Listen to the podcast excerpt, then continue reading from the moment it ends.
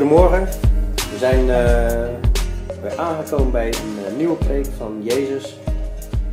We zijn al een tijdje bezig met de vijf grote preken van uh, Jezus in Matthäus. We hebben er vier gehad, daar zijn we al vanaf begin mei mee bezig. En vandaag, 24 september, gaan wij verder met een, een, een, ja, best wel een pittige preek. Het is echt uh, alle riemen vast. Uh, want het gaat, het gaat echt snoeihard aan toe. Jezus gaat, gaat eigenlijk spreken over uh, het hypocriet zijn. Hypocriet zijn van de fariseeën. Vorige keer zijn de fariseeën en de sadduceeën zijn de mond gesnoerd.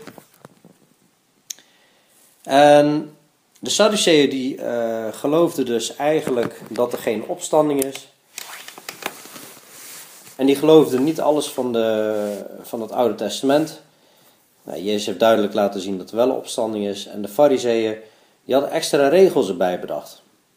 Die hadden eigenlijk eigen overleveringen, eigen gedachtes. Jezus had al gezegd in Matthäus 15, dit volk eert mij met de lippen, maar hun hart is ver van mij. En ze hebben op een mooie manier het gebod van God aan de kant gezet en zich, ze houden zich eigenlijk aan overleveringen van mensen ze eren mij eigenlijk te vergeefs. Nou, in hoofdstuk 23 gaat hij ze echt stevig aanspreken. Alleen de titel al, het wee over de fariseeën. Dat klinkt niet goed. Als, als er een titel geschreven wordt uh, over jou en, en, en dat gaat over het wee over de fariseeën dus. Normaal dan lezen we eerst het gedeelte. Normaal pak ik 20 tot 25 versen. En dan zeggen we we gaan het bespreken.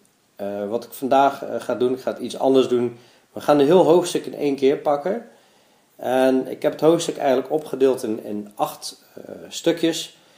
En ja, per stuk hebben we, hebben we een, een aandachtspunt en een kop. En, en, en dan gaan we kijken wat de Heer daarover zegt en hoe we dit toepasselijk kunnen maken, ook naar deze tijd. Het eerste punt wat ik wil maken is, uh, waar Jezus over gaat hebben, is de zonde van niet doen wat je zegt en leert. Dus practice what you preach.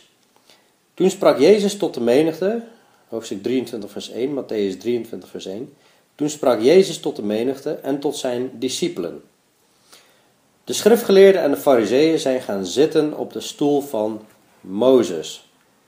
Daarom, al wat zij u zeggen dat u in acht moet nemen, neem dat in acht en doe het. Maar doe niet naar hun werken, want zij zeggen het, maar doen het zelf niet. Mozes had natuurlijk de wet gebracht. En de fariseeën waren gaan zitten op de stoel van Mozes, want die hebben eigen overleveringen gebracht. Ze waren eigenlijk best goed begonnen, met heel trouw uh, de schriften gaan onderzoeken, maar op een gegeven moment hebben ze gezegd, laten we Zorgen dat we echt niet het gebod van God overtreden en extra dingen erbij bedenken, zodat we echt niet het gebod van God uh, overtreden. En dat was misschien goed bedoeld, maar in de loop van de tijd zijn die extra regels zijn belangrijker geworden dan het woord van God. En even vooropgesteld, de schriftgeleerden hebben een, een, een negatieve klank in het Nieuwe Testament. Op het moment dat Jezus gaat preken. Maar een schriftgeleerde is niet per definitie iets negatiefs. Vandaag hoor je wel eens van, ja, je moet niet zo eh, diep in de schrift gaan, want uh, ja, dat deden de schriftgeleerde fariseeën ook. Ezra was bijvoorbeeld een schriftgeleerde. Hij was bekwaam, hij was goed in het uh, kennen van de schrift. Hij onderwees die en hij wandelde er ook in. En er staat er de goede hand van de Heer was over hem. Nou, ze moesten dus wel luisteren. Op het moment dat Mozes bijvoorbeeld werd voorgelezen, moesten ze wel luisteren naar die woorden. De mensen moesten luisteren naar de woorden van de fariseeën als ze Mozes voorlazen. Maar doe niet naar hun werken. Doe, niet naar hun eigen overleveringen. En, en, want zij zeggen het, maar doen het zelf niet. Ze zeggen van alles, maar ze brengen het niet in de praktijk. Ze zijn hypocriet. Dat is het eerste punt. Dat is een zonde van niet doen wat je zegt en leert. Het tweede punt ook, uh, wat we gaan uh, bespreken is de zonde van lasten opleggen die niet te dragen zijn. Je ziet hier die man met een zware last, gaat hij de berg op, op het plaatje. Want in vers 4, want zij binden lasten samen die zwaar zijn en moeilijk om te dragen. En zij leggen ze op de schouders van de mensen, maar ze willen die zelf met geen vinger verroeren. En Jezus noemt dat hypocriet zijn. Hoe kun je nou andere lasten opleggen die je zelf niet toepast in je leven? Als je iets leert of als je iets spreekt, moet je natuurlijk gewoon zelf in de praktijk brengen. Hier klopt gewoon helemaal niks van. Ze willen die met geen vinger verroeren. Ze willen zelf de macht houden, ze willen zelf hun posities houden en leggen zo mensen van alles en nog wat op om ze eigenlijk bezig te houden en hun greep te houden. Het volgende punt is de zonde van eigen eer. Dat is indruk willen maken. Al hun werken, vers 5, doen zij om door de mensen gezien te worden. Want zij maken hun gebedsriemen breed en de kwastjes aan hun kleren groot. Ze zijn er zeer uh, gesteld op de ereplaats tijdens de maaltijden en op de voorste plaatsen in de synagogen. Ze zijn zeer gesteld op de ereplaatsen tijdens de maaltijden en op de voorste plaatsen in de synagogen. Oké, dus al hun, werken doen ze om door de mensen gezien te worden. Nou, hoe deden ze dat? Van buiten lieten ze allemaal schijnrechtvaardigheid zien. Zo hadden ze bijvoorbeeld gebedsriemen. Nou, ik heb hier, hier heb ik plaatjes van die gebedsriemen. En van die kwastjes, dat, dat, zijn, dat zijn die slierten aan de, aan de kledingstukken. En op zich staan er natuurlijk dingen in, in de wet.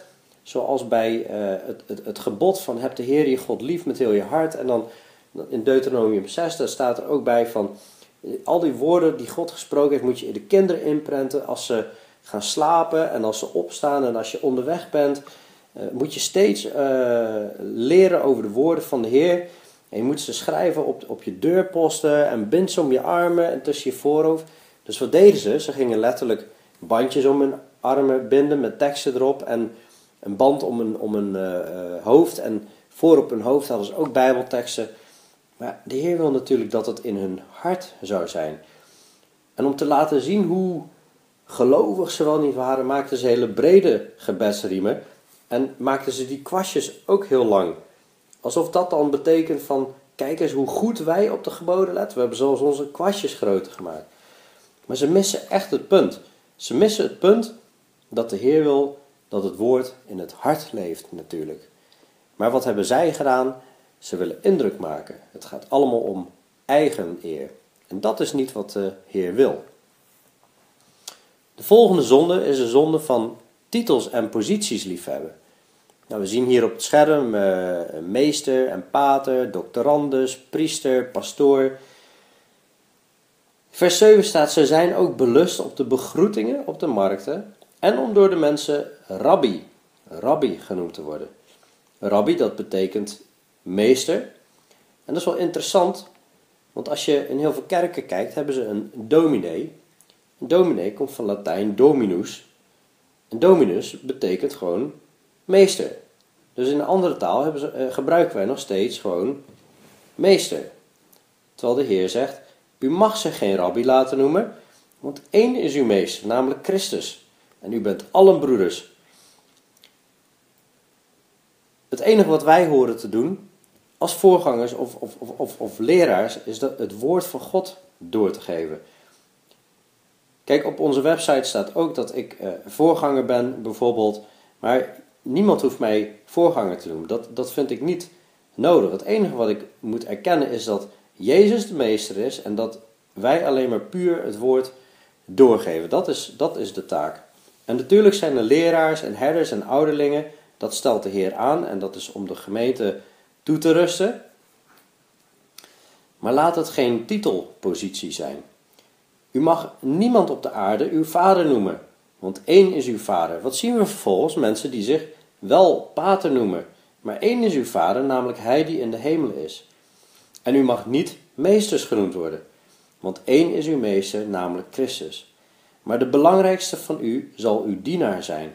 En wie zichzelf zal verhogen, zal vernederd worden. En wie zichzelf zal vernederen, zal verhoogd worden.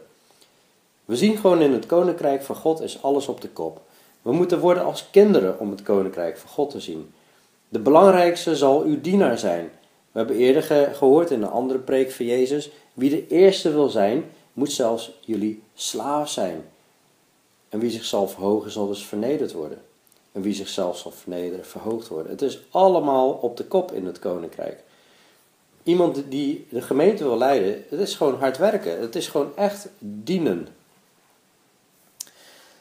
En dan komen we bij het volgende punt. En dit is een hele ernstige. De zonde van mensen verhinderen om tot Jezus te komen. En vanaf vers 13 begint Jezus met een achttal weeën. Maar wee u, dat betekent echt, oh pas op, pas op, wee u, wee u. Acht keer zegt Jezus wee u. En zes keer zegt Jezus huigelaars. En dan begint hij, maar wee u, schriftgeleerden en fariseeën, huigelaars, want u sluit het koninkrijk der hemelen voor de mensen. U gaat er immers zelf niet binnen. En hen die er binnen willen gaan, laat u er niet binnen gaan. Dit is echt een hele ernstige kwestie. Dat ze mensen onthouden om het koninkrijk binnen te gaan. Jullie hebben de sleutels van de kennis weggenomen, staat er in een ander gedeelte. De sleutels van de kennis hebben ze weggenomen. Omdat ze eigen overlevering, eigen leer hebben gebracht, in plaats van de leer van God. En vertaald naar onze tijd moeten we natuurlijk het evangelie brengen. We moeten mensen niet verhinderen om tot Jezus te komen. Want er is maar één weg, er is één waarheid en er is één leven. Niemand kan tot de Vader komen dan door Jezus. En er is een poel van vuur en er is een paradijs. En als iemand uh, niet zijn zondige toestand in orde maakt met God, dan zal die voor eeuwig verloren zijn. En die boodschap moeten wij prediken. Dat is het evangelie. De goede boodschap is dat Jezus de prijs wil betalen voor ons. Hij heeft zich opgeofferd, maar we moeten ons vertrouwen in hem stellen en berouw hebben en op onze knieën gaan. En, en, en dat moeten we de mensen leren. En geen andere verhalen en niet elkaar druk bezighouden met van alles en nog wat. Wee u schriftgeleerden en fariseeën, huigelaars, want u eet de huizen van de weduwe op. En voor de schijn bidt u lang, en daarom zult u een des te zwaarder oordeel ontvangen. Nou, ze aten natuurlijk niet letterlijk huizen op, die waren niet van chocola. Maar die weduwen waren vaak arm, hun, man was dan gestorven, had, ze, ze, hadden weinig inkomsten. Dus die ehm, hadden niet veel en daar werd dan ook nog van opgeëist dat ze ja, veel moesten betalen aan, aan de fariseeën en de schriftgeleerden. En dat ze zich daarmee verrijkten, maar het had juist andersom moeten zijn. Hun hadden juist moeten zorgen dat die, dat die weduwen en ook wezen dat, dat die geholpen werden. En dat ze een, een familie zouden zijn voor die mensen. Maar ze hielpen ze niet. Ze eten die huizen op.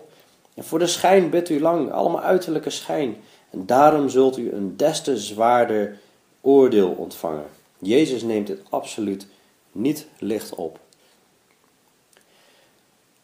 De volgende zonde is de zonde van het in stand houden van iemands verloren toestand, het zesde punt. Het in stand houden van iemands verloren toestand. Wee u schriftgeleerden en fariseeën, huigelaars, want u reist zee en land af om één proseliet te maken. Een proseliet, dat is iemand die tot bekering komt naar het jodendom. En als hij geworden is, en als hij het geworden is, maakt u hem een kind van de hel, een kind van de duivel, dubbel zo erg als u. Kijk, het is natuurlijk zo als jij wel het woord kent en je gaat eigen overleveringen brengen, dan heb jij nog een deel van de waarheid die je weet, maar de volgende die dat niet weet, die, die krijgt dan die overleveringen en die gaat daarmee aan de, aan, aan de slag en dan zal het woord zal steeds meer afzwakken. Het zal dubbel zo erg worden. Het wordt van kwaad tot erg. Daarom is het zo belangrijk om helemaal terug te gaan naar het woord. Nou, ik heb hier een, eh, een plaatje. En dan zie je eigenlijk op de eerste foto lijkt er niks aan de hand. Maar het is eigenlijk wat, wat, wat we hier zien, hè, het in stand houden van iemands verloren toestand. Soms lijkt er niks aan de hand aan de buitenkant. Maar het is net als eigenlijk bij een, een, een, een, een moordscène waar, waar iemand vermoord is. En dan kun je allemaal heel mooi het bloed wegpoetsen en dan lijkt alles schoon. Maar als je daar luminol op, op smeert, dan zal dat oplichten. En dan kun je het niet meer verbergen. En dat is, dat is eigenlijk wat er gebeurt in heel veel eh, kerken, ook vandaag de dag. dat allemaal mooie praatjes zijn, maar het, het, het, het woord wordt eigenlijk niet meer voorgehouden. En iemand zondige staat blijft eigenlijk in, in stand. En zo hoorde ik van de week een, een verhaal. En ik sprak met een, een, een man en die ging niet meer naar de kerk. En zijn verhaal was echt heel erg verdrietig. Ik werd er heel verdrietig van wat, wat ik hoorde. Dat was dat hij op een gegeven moment een aanbod kreeg om op zondag te gaan uh, fluiten als scheidsrechter. Alleen, ja, dat was in conflict met uh, de tijd dat hij eigenlijk naar de kerk ging. En hij worstelde daarmee en op een gegeven moment voelde hij schuld, zich schuldig. En, en hij heeft dat opgebiecht en heeft dat verteld aan een van de leiders van de kerk. En die leider van de kerk die heeft gewoon gezegd: Weet je wat? Je bent gewoon goed aan het doen voor de mensen. En daar moet je gewoon mee doorgaan. En dan breekt mijn hart dat ik denk van jongen, jongen, jongen, wat een blinde leider. En daar komt Jezus nu op uit. Mensen behoren gewoon wel naar de kerk te gaan, onder het woord te komen, zodat het woord hun staat in het licht kan brengen en openbaar kan worden wat onze toestand is, zodat we vergeving kunnen vragen van zonde. Maar in plaats daarvan snappen ze het niet, zien ze het niet meer en, en maken ze eigenlijk kinderen van de hel, kinderen van de duivel.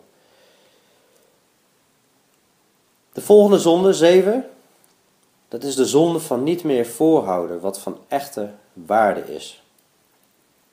Wee u blinde leiders, vers 16. Die zegt, heeft iemand gezworen bij de tempel, dan betekent dat niets. Maar heeft iemand gezworen bij het goud van de tempel, dan is hij aan die eed gebonden. Dwazen en blinden, want wat is meer, het goud of de tempel die het goud heiligt? En heeft iemand gezworen bij het altaar, dan betekent dat niets. Maar heeft iemand gezworen bij de gave die daarop ligt, dan is hij aan die eed gebonden. Dwazen en blinden, want wat is meer, de gave of het altaar dat de gave heiligt? Wie daarom zweert bij het altaar, die zweert daarbij en bij alles wat daarop ligt. En wie zweert bij de tempel, die zweert daarbij en bij hem die daarin woont. En wie zweert bij de hemel, die zweert bij de troon van God en bij hem die daarop zit. Waar zijn ze mee bezig? Met allemaal afleiding, allemaal randzaken.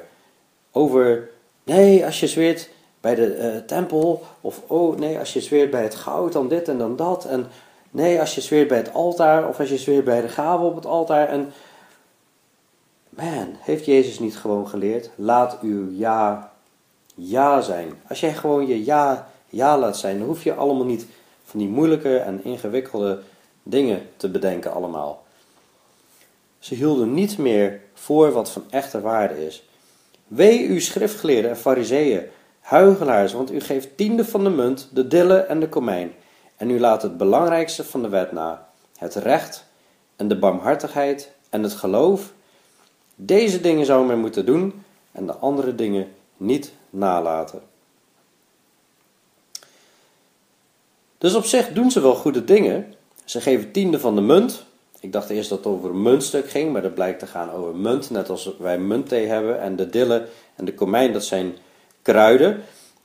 En we lezen natuurlijk in de, in de wet van Mozes dat men gewoon een tiende moest geven van de opbrengst van het land. Het opbrengst van het land moest men in tien stukken delen totaal. En dan één tiende deel moesten ze aan de heren toewijden. En ze gingen zo ver dat ze daar eigenlijk zelfs van hun kleine kruidentuintjes deden waarmee ze soep en alles uh, op smaak konden brengen. Dus tot in de details waren ze wel de regeltjes aan het navolgen, maar het belangrijkste van de wet lieten ze na. Want liefde is de vervulling van de wet en het recht te doen, het goede te doen en de barmhartigheid en het geloof. We hebben natuurlijk al eerder dat verhaal van de barmhartige Samaritaan gehoord van Jezus, waar eigenlijk een leviet, een jood, en een priester, ook een jood, eigenlijk voorbij gaan aan een in elkaar geslagen man. En een Samaritaan die eigenlijk onrein is, die helpt deze man. En Jezus laat daarmee zien van, jullie missen het punt. De vervulling van de wet en profeten wordt vervuld door liefde. Liefde is de vervulling van de wet. Je bent vergeten het goede te doen en de barmhartigheid te tonen en het geloof. Het geloof is het allerbelangrijkste. Want zonder geloof kunnen we God niet behagen. We worden gerechtvaardigd, we worden weer in orde gemaakt door het geloof. We moeten met dat geloof ons vertrouwen in Jezus stellen en steun op eigen inzichten niet. Geloven dat Hij de Zoon van God is, dat Hij het offer is wat onze zonden vergeeft, waardoor onze zonden vergeven worden en dat Hij de weg is.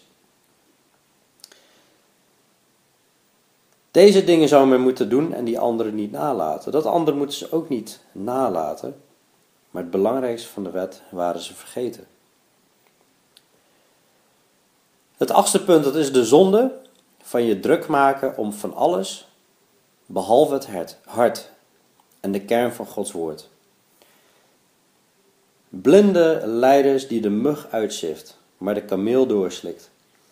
Wee u schriftgeleerden en fariseeën, huigelaars, want u reinigt de buitenkant van de drinkbeker en van de schotel, maar van binnen zijn ze vol van roofzucht en onmatigheid.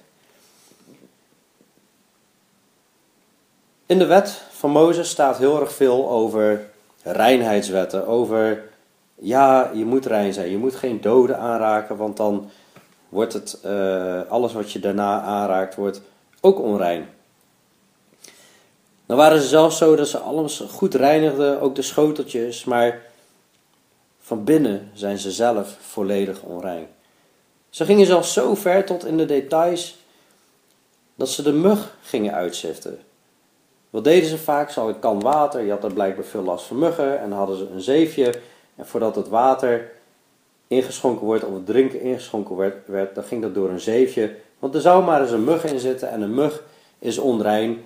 En ze wilden vooral niet onrein worden van binnen. En zo uh, ziften ze de mug uit.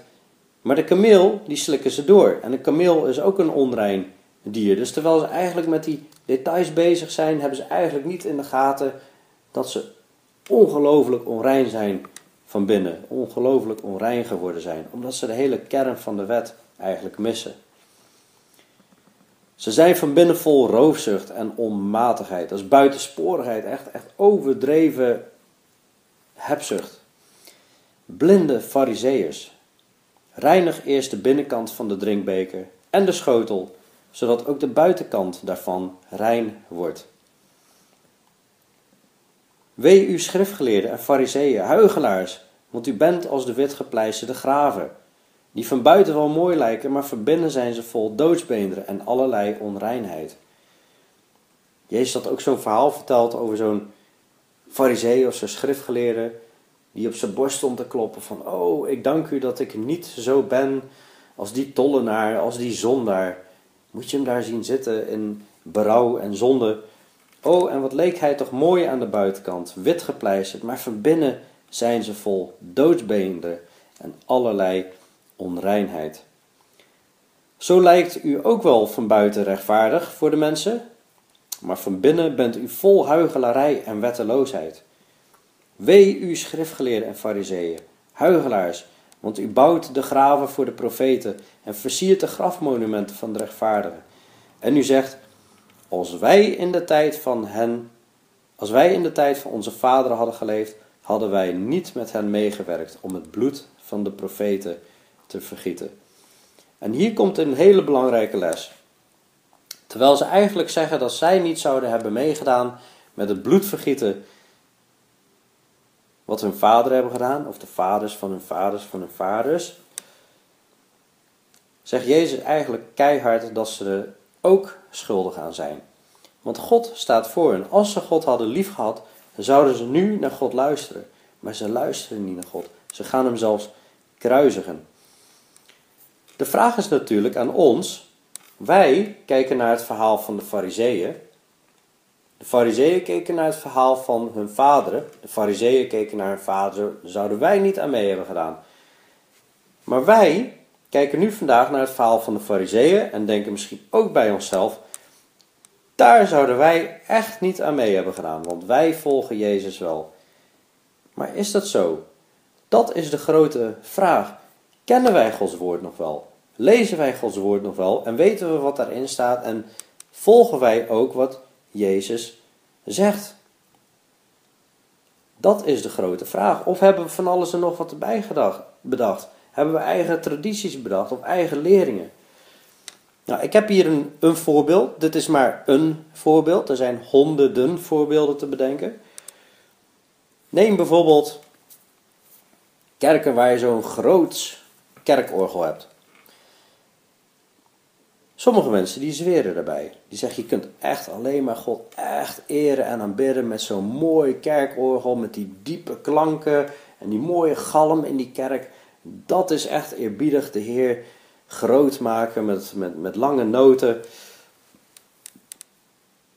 En anders alweer zeggen, nee jongens, dat is echt niet meer van deze tijd. Daardoor lopen de kerken leeg.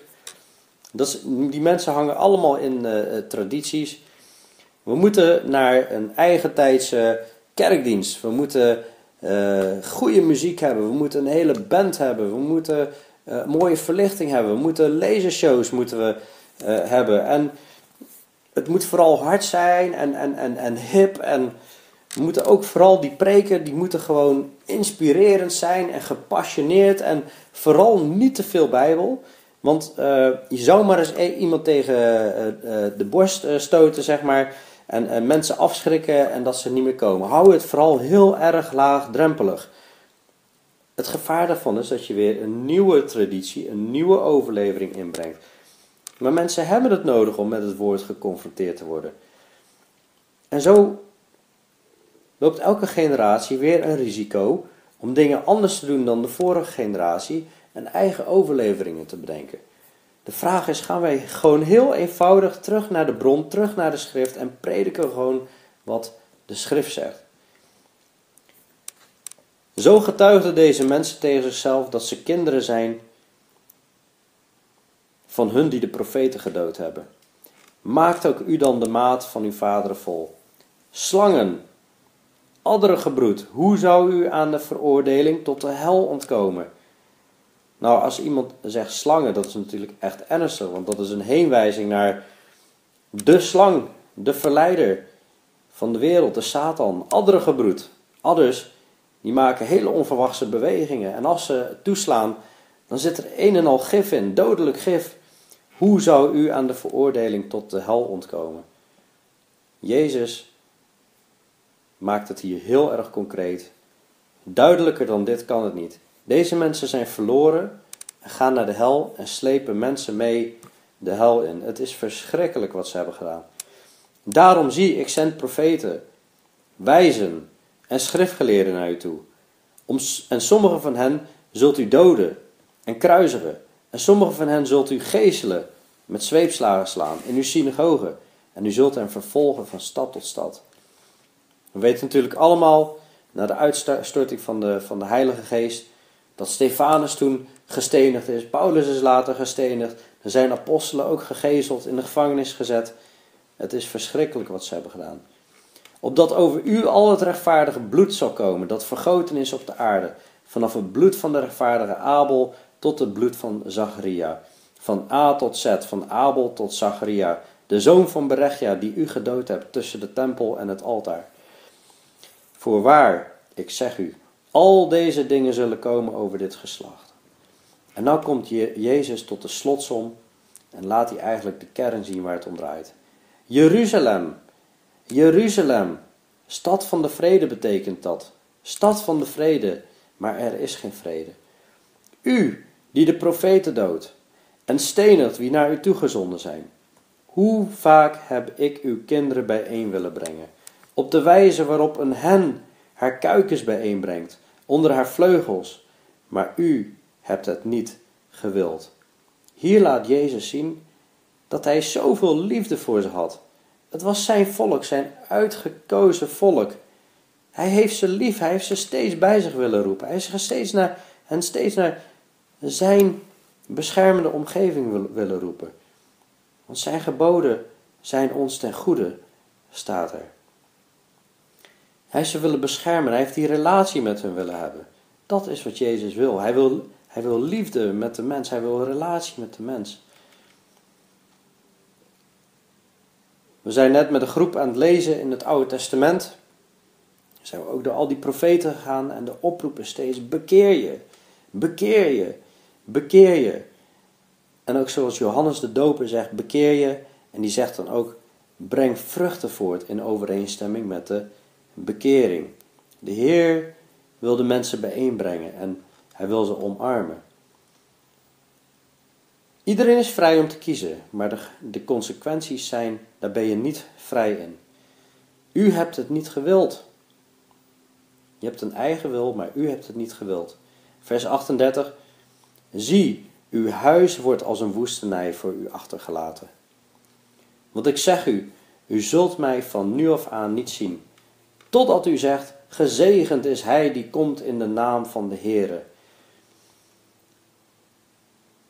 Bij de intocht van Jezus in Jeruzalem riepen de mensen, Hosanna, zoon van David, gezegend is hij die komt in de naam van de Heere. Er waren mensen die hem als Heere erkenden en als koning. En zelfs de kinderen riepen, Hosanna, zoon van David. Maar de fariseeën en de schriftgeleerden niet. En de fariseeën en de schriftgeleerden wilden zelfs dat de kinderen het zwijgen werd opgelegd. Die erkenden dat hij de zoon van David was. Maar op het moment dat jij niet erkent dat hij de gezegende is, gezegend is, of, uh, gezegend is hij die komt in de naam van de Heer. Op het moment dat je hem niet erkent, dan zegt de Heer van, u zult mij van nu af aan niet zien, totdat je dat zegt. Heeft natuurlijk ook te maken met, met zijn, zijn wederkomst uh, straks, maar dat is een belangrijke boodschap. Nou ja, binnenkort, ik had nog een plaatje trouwens van uh, een grote kerstboom, dan komt kerst er weer aan. En dat is ook weer zo'n zo'n punt van, zijn dat eigen overlevering? Is dat wat er echt toe doet? Is, de schrift leert het niet eens. Hoe belangrijk zijn deze dingen? Maar draait het nog echt om de kern in je, in je, in je hart? Wij zaten vroeger in een, een kerk en daar stond ook een kerstboom van 6 meter hoog. En oh wee als je dat bespreekbaar maakte. Mensen hielden daar zo aan vast. En het is heel belangrijk om onszelf te onderzoeken en onze tradities te onderzoeken. Jezus zegt uiteindelijk: Wie mij geboden heeft en ze in acht neemt, die is het die mij lief heeft. U bent mijn vrienden als u doet wat ik u gebied.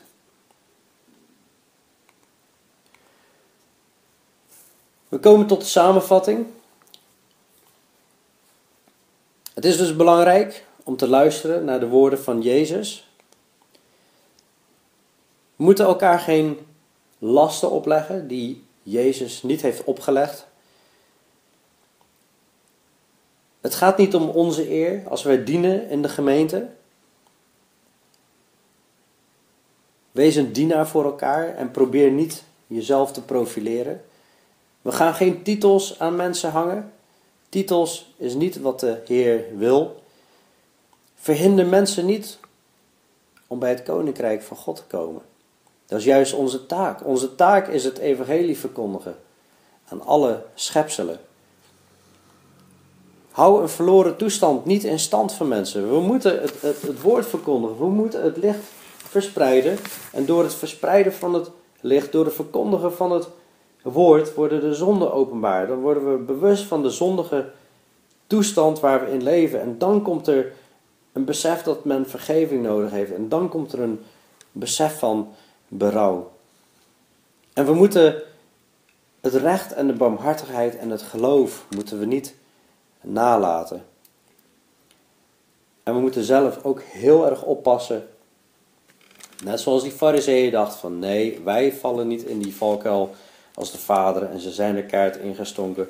Zo moeten wij ook in deze tijd onszelf in alles, in alles en in alles onderzoeken. Zowel onze kerk als ook je eigen individuele leven.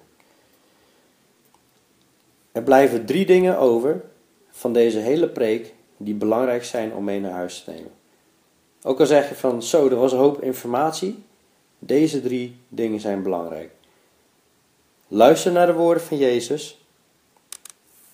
Neem het evangelie aan, anders ga je verloren. En wandel daarin. Verhinder mensen niet om het evangelie om bij het evangelie uh, te brengen. En als je dan een kind van God geworden bent, dan is het belangrijk om het goede te doen, het recht te doen, barmhartigheid en de liefde. En zo simpel is het. Dat is wat de Heer vraagt. En ik zou graag willen meegeven naar huis om jezelf te onderzoeken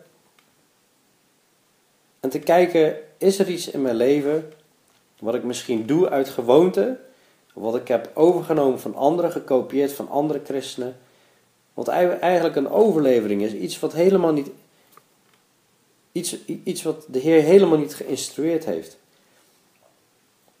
Om dat te onderzoeken en dat los te laten en gewoon alleen om te gaan tot de kern van het woord van God. Om alleen maar te blijven bij de woorden die Jezus verkondigd heeft.